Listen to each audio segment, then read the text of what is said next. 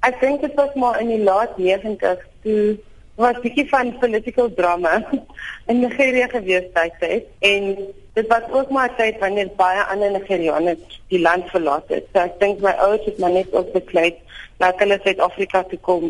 Hulle net probeer om te sien wat hulle met hulle lewens kon doen hierso.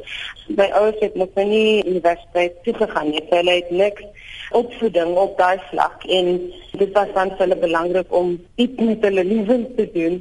So dis hoekom hulle na Suid-Afrika toe gekom het. Jy het met ander woorde skool gegaan in Suid-Afrika van die begin af. Is dit moeilik om in 'n vreemde land aan te kom? Ek dink dit is vir 'n kind baie moeilik want dit is alklaar moeilik as jy sien maar van 'n skool in die Kaap sit 'n skool in Johannesburg te trek. Dit is nogal 'n bietjie van 'n adjustment, maar as jy nou praat van om van 'n heel ander land te kom en dit was nou net so 'n paar jaar na apartheid, dinge wat nog steeds baie sensitief tyd. So ek in Queensland aangekom het, ek was klein, ek was donker.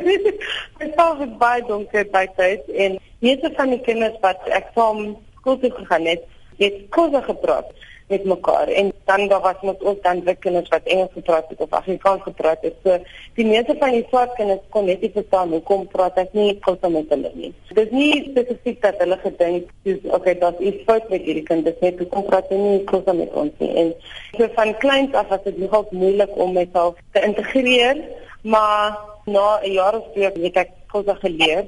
Toe begin ek nou soos kosse te praat en ja, toe maak ek vriende met almal. So dit was 'n bietjie van 'n proses, maar dit het uitgewerk. Hoe het dit toe gekom dat jy op Stellenbosch beland het? Dit is net wat ek in graad 12 gekom het. Het ek besluit ek wil in 'n baie klein dorpie gaan swat. So ek was nog nooit iemand wat van groot stede gehou het nie, glad nie. En ek moes nou dan besluit okay, waar gaan ek gaan swat? En die twee kleinste dorpies was Rose of Kronstadt of Stellenbosch en ek het gevoel Grantstad was te naby aan die huis. en dit is my naby aan Queenstown.